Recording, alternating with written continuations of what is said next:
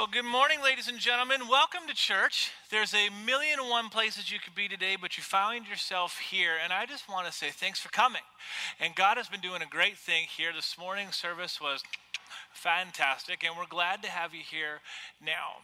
Now, if you're new to us, or if you're new here today, and it's your first time with us, um, we're in the middle of a series, and the series is called Hindsight. And essentially, what we're looking at is we're looking at virtues.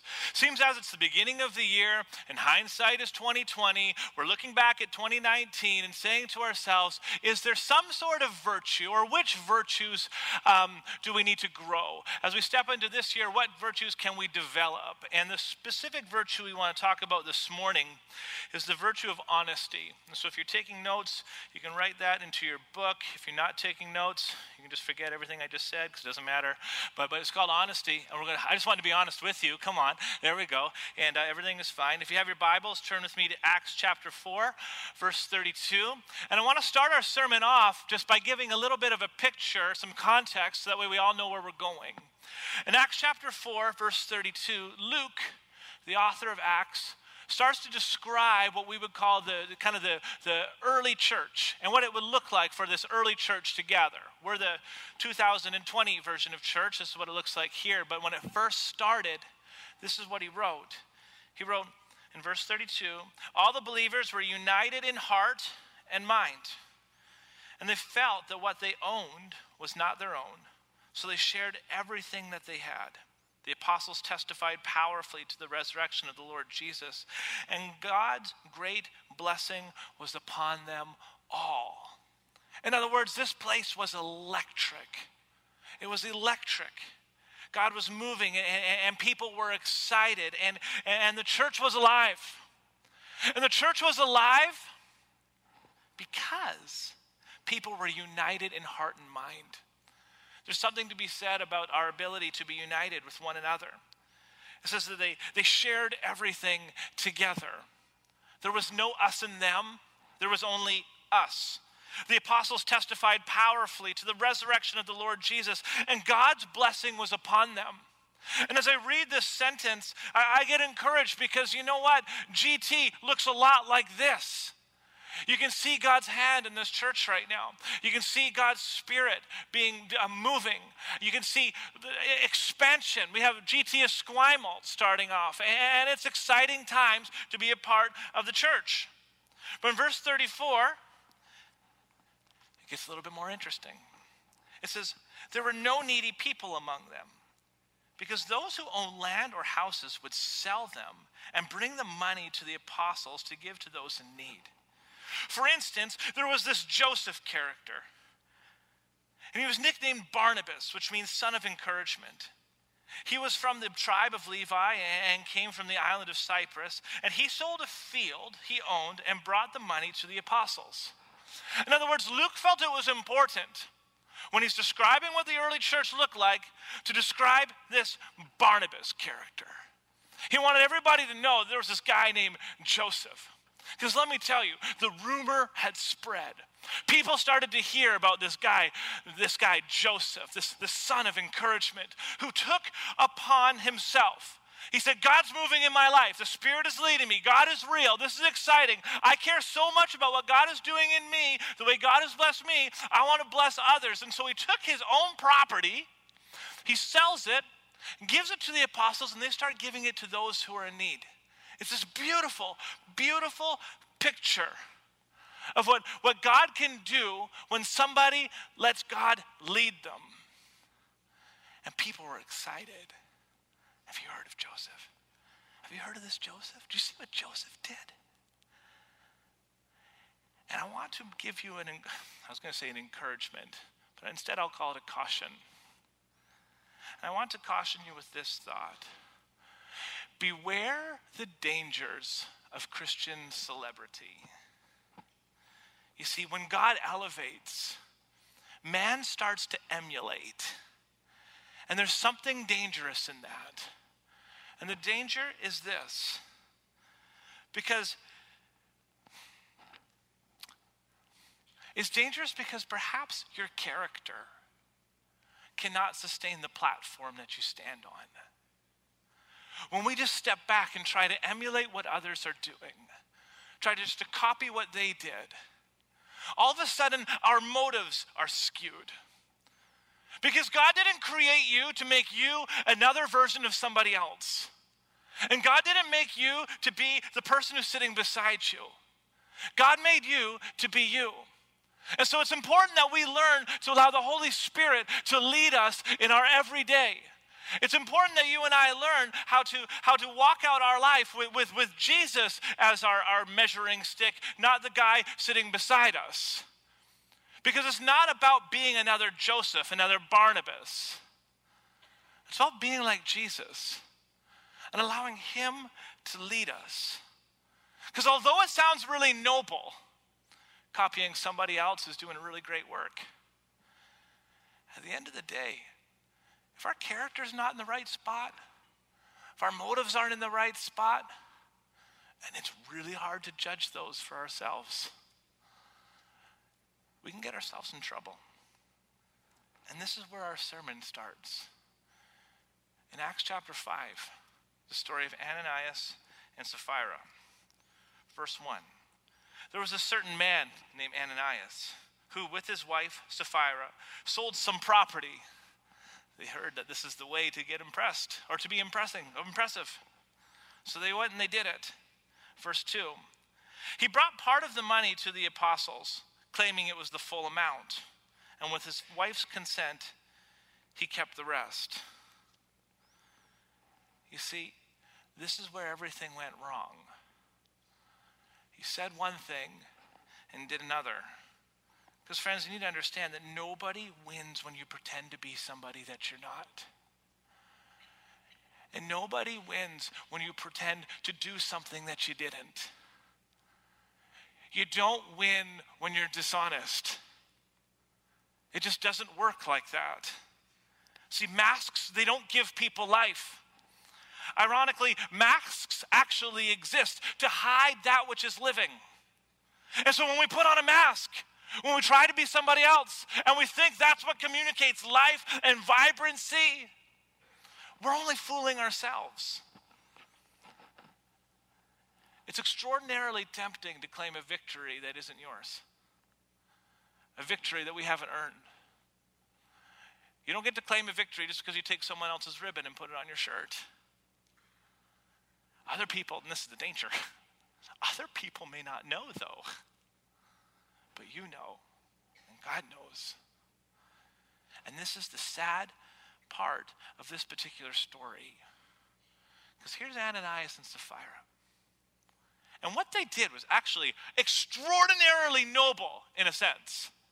They took their stuff and they sold it, and then they, they kept a little bit for themselves and they gave the rest to the poor. Well, that's a lot more than somebody else may have done. And it's really easy to sit back and say, well, look at this thing I just accomplished. But the problem isn't really in what they did, the problem is in what they said. The problem actually is in their heart. And this is how this extreme story becomes universally applicable to each and every one of us. Because I don't have to be a prophet to guess that this may have touched you in some sort of way in your personal walk here on this earth. Verse 3.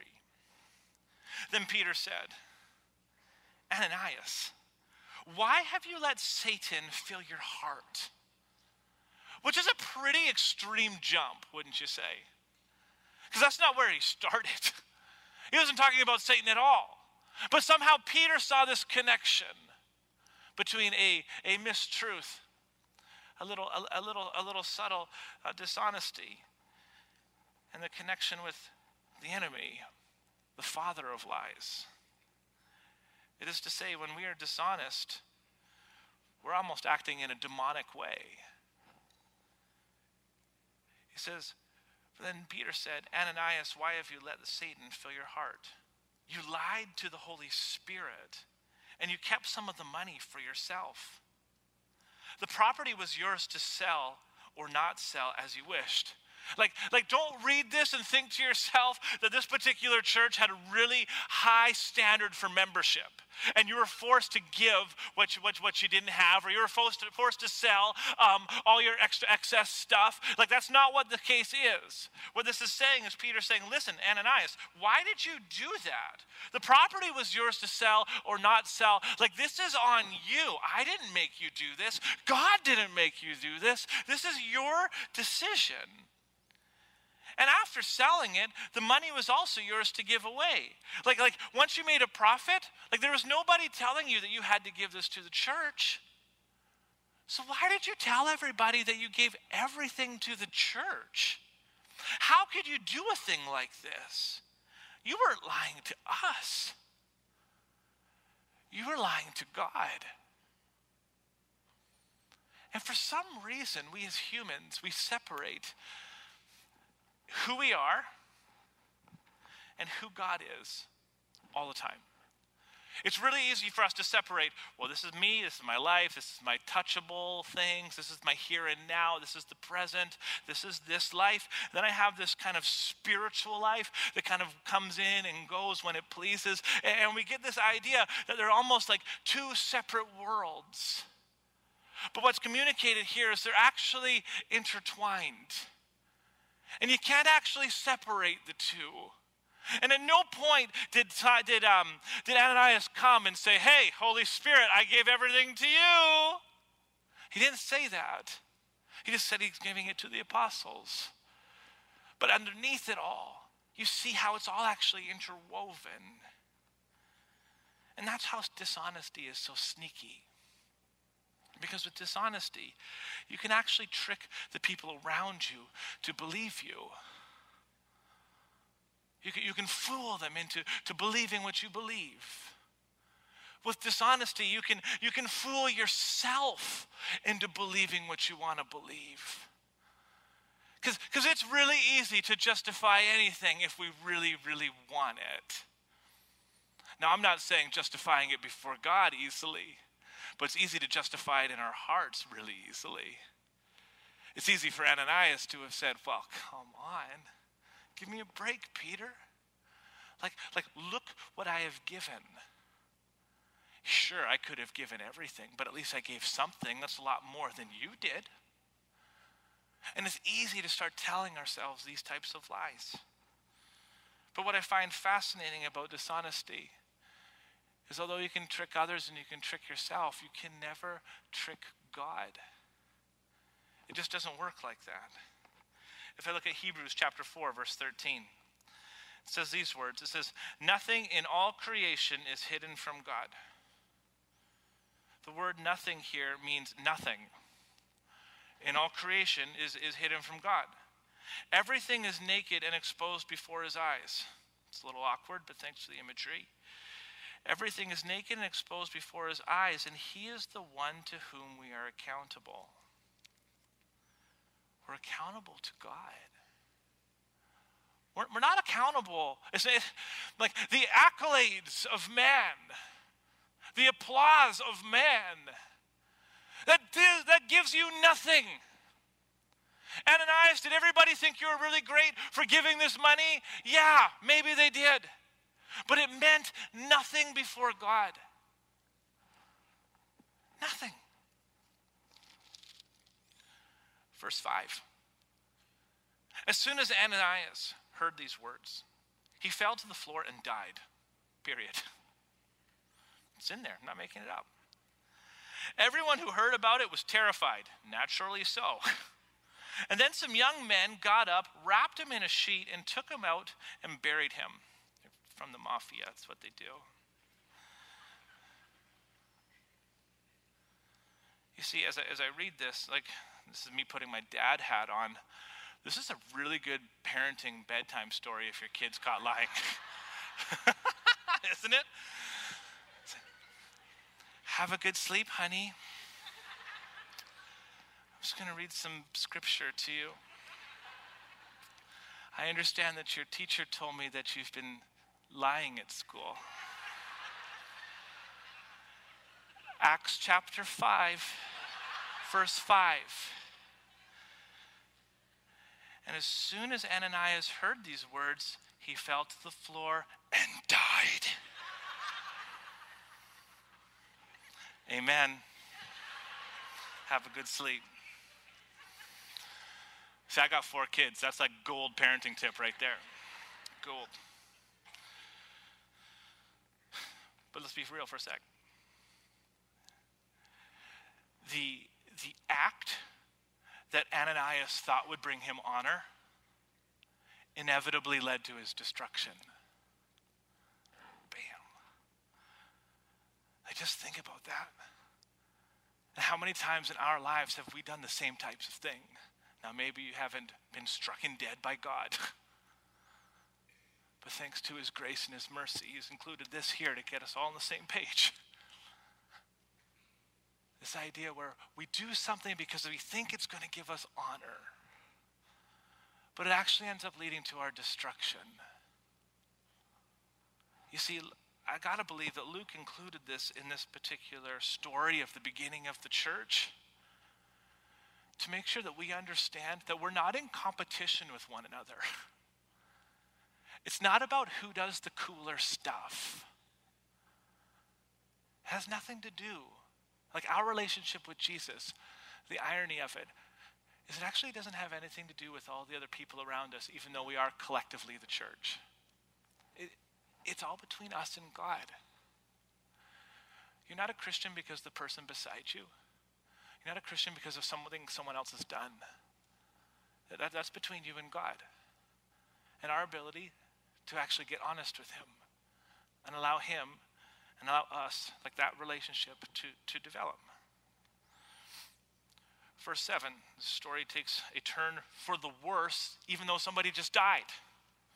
Verse 7, about three hours later, his wife came in. Not knowing what had happened, Peter asked her, Was this the price that you and your husband received for, for your land? Uh, yes, she replied. That was the price. And in this little, little, little verse, we get, we get to see such a, such a picture of human nature, don't we? This, this husband and wife team. This, hus- this, this wife trying to, trying, to, trying to protect her husband. You see, you cannot protect anyone by, by trying to cover up their sin. It doesn't actually work like that. And, and, and, and for parents and for loved ones, like, like the closer you get to somebody, the more you want to be able to do that. Like, like, like the more you want to be able just to stand in the gap and say, no, no, no, it's, it's, all, it's all fine. It's, it's fine. It's good. It's good. And we tell ourselves that it's noble. And maybe there is a little piece of nobility in that thought. But it's false. It's maybe the right intention but it doesn't make it right. Because nobody wins when you're dishonest before God. As I just read in Hebrews, like nothing in all creation is hidden from God. There isn't this like you standing in the gap and, and just like re educating God on the terms and God being like, oh, right, I didn't know. It doesn't function like that. Verse 9. And Peter said, How could the two of you even think of conspiring to test the Spirit of the Lord like this? See, there's, there's no way this couple woke up in the morning and said to themselves, You know what we're going to do today, honey? Let's go test the Spirit of the Lord. Good idea, Sapphira. High five. Let's do it. Nobody thinks like that. But they did it. It happened. It happened. The young men who buried your husband, Peter says, are just outside the door, and they will carry you out too. And his bedside manner is just horrendous. Like no one talks like that, but Peter did. Verse 10 Instantly, she fell to the floor and died. When the young men came in and saw that, the, that she was dead, they carried her out and buried her beside her husband and great fear gripped the entire church and everyone else who heard what the or what had happened. and I stand back and I look at this story and you try and make sense of it. And what you see here is you see this picture that, that dishonesty has strings attached. It, it, it affects more people than just you. And when we're dishonest before God, people get hurt. You see this in the story. Great fear gripped the entire church and everyone else who heard what had happened. Did you hear about this church? If you lie in that church, you die. Like, like, like everyone's thinking to themselves, ah, that's serious stuff. But there's this fear that kind of wells up. And it's why Luke would have included it, because it gives you this picture of how real God is. See, God isn't to be mocked. God isn't a, a worldview or, or, or just an expression, not just a way of thinking, not some philosophy that we align ourselves to. It's not just a, a religion, but He's a person, the creator of the heavens and the earth. Jesus is the sinless Lamb of God. The Holy Spirit, if you're a Christian, the Holy Spirit isn't some million miles away up distant in some distant land. The Holy Spirit's right here. God literally lives inside of your heart. It's not just we go to church to be spiritual. Friends, everything we do is spiritual. Everything points back to our relationship with God in some way or another. And if it doesn't, you just haven't stepped back far enough to see how it's all connected. You can't separate it, it's all there. And So this morning, I ask you this question Is there something in your life that you've been dishonest about?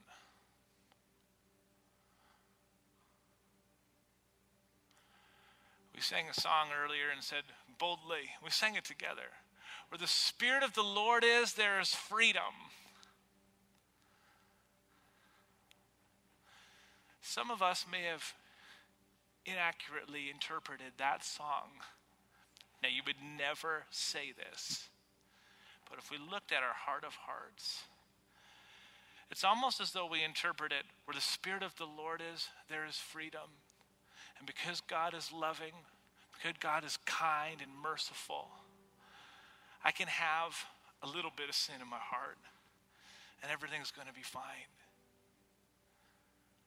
But that's not what this song is saying. It's not what it's saying at all. Where the Spirit of the Lord there is freedom, meaning that you can be free from sin. You can be free from the weight you carry because you've been dishonest in some area of your life. You don't need to carry that forever. When I read my Bible, literally flip the page back one page, Acts chapter 3, verse 19. I'm not making this up. This isn't a cute story. This is in the Word of God. It says, Now repent of your sin and turn to God so that your sins may be wiped away. Where the Spirit of the Lord is, there is freedom then times of refreshment will come from the presence of the Lord. It's real, friends. And for some reason, and I don't know why we do this as humans, like, like, like we, only, we only live by what we can touch and feel and hold. And we separate Christianity from our everyday. But everything is entwined and everything is entangled, and God sees it all, and He sees us all here, and He wants to speak to you today. And not just speak to you, He wants to set you free. So, can I ask us, can we bow our heads together? And I would love us to pray.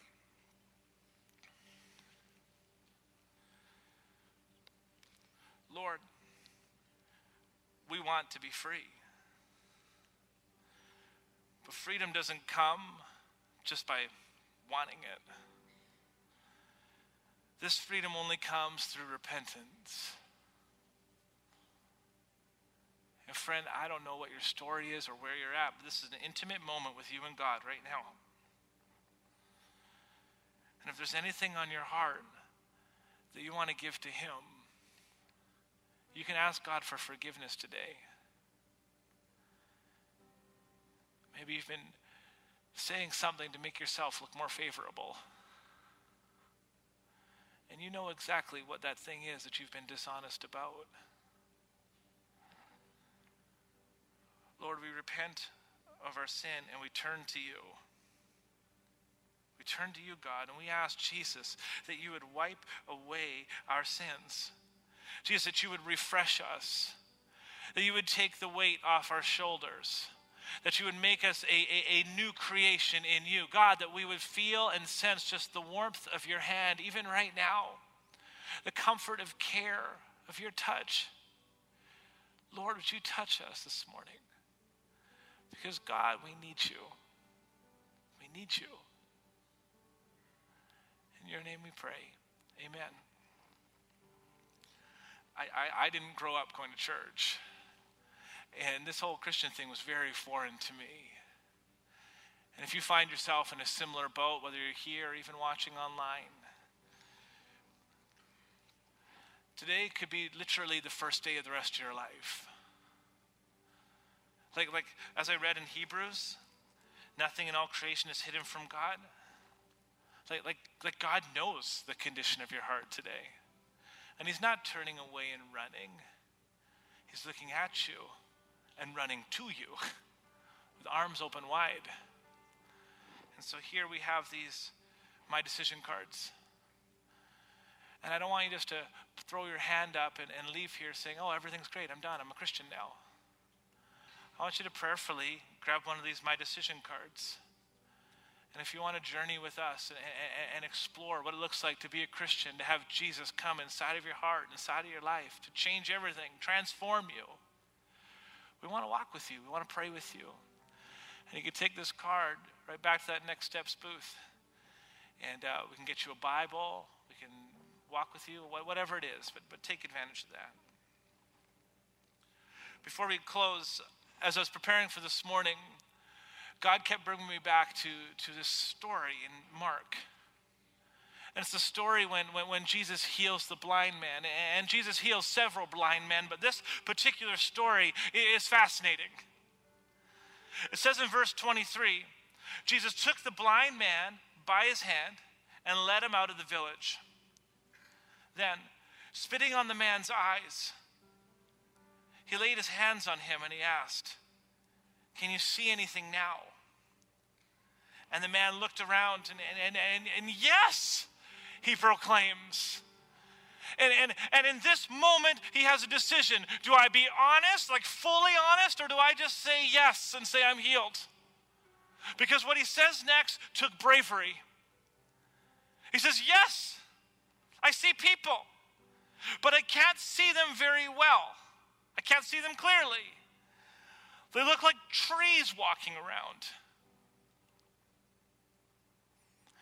And it takes an extraordinary amount of honesty, an extraordinary amount of courage to admit before Jesus that after you've been prayed for, you still don't really see all that clear. See, I'm always taken aback by this story because that blind man could have left after Jesus prayed for him thinking that all humans look like trees. And he would say, I'm walking, I've been touched by God, I'm walking in his fullness. And the truth is, everything he saw was askew. So Jesus, in this moment, placed his hands on the man's eyes again, and his eyes were opened, and his sight was completely restored. And then he could see everything clearly. Nobody wins when we're dishonest with God. This blind man comes to God in honesty. I thought I would be able to see, but I don't. You're the one who just prayed for me, and I still can't see clearly. In that honesty, God touches him, and he leaves being able to see. Would you stand to your feet with me? I'd love to pray for us one more time as we go into a time of worship. Perhaps this is your moment. You've been thinking that you could see, but at the end of the day, you realize if I could only see clearer. Would you close your eyes with me? God, we look to you.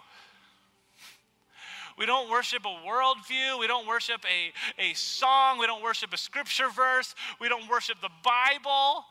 We don't worship religion. We worship a God a very real God who knows everything about us from the inside to the out. You know our weaknesses, our strengths, our insecurities, our doubts, and our fears. And Lord God, you have a plan for each and every person in this room.